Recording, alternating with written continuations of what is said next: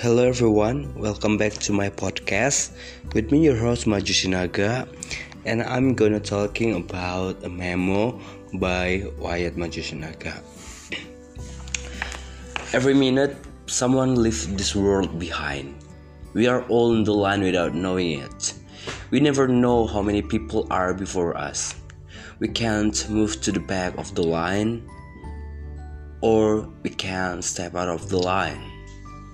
So while we wait in line, make moments count, make priorities, make the time, make your gifts known, make nobody feel like a somebody, make your voice heard, make your make the small things big, make someone smile, make the change, make love, make up, make peace, make sure to tell your people they are loved, make sure to have no regrets, make sure you are ready.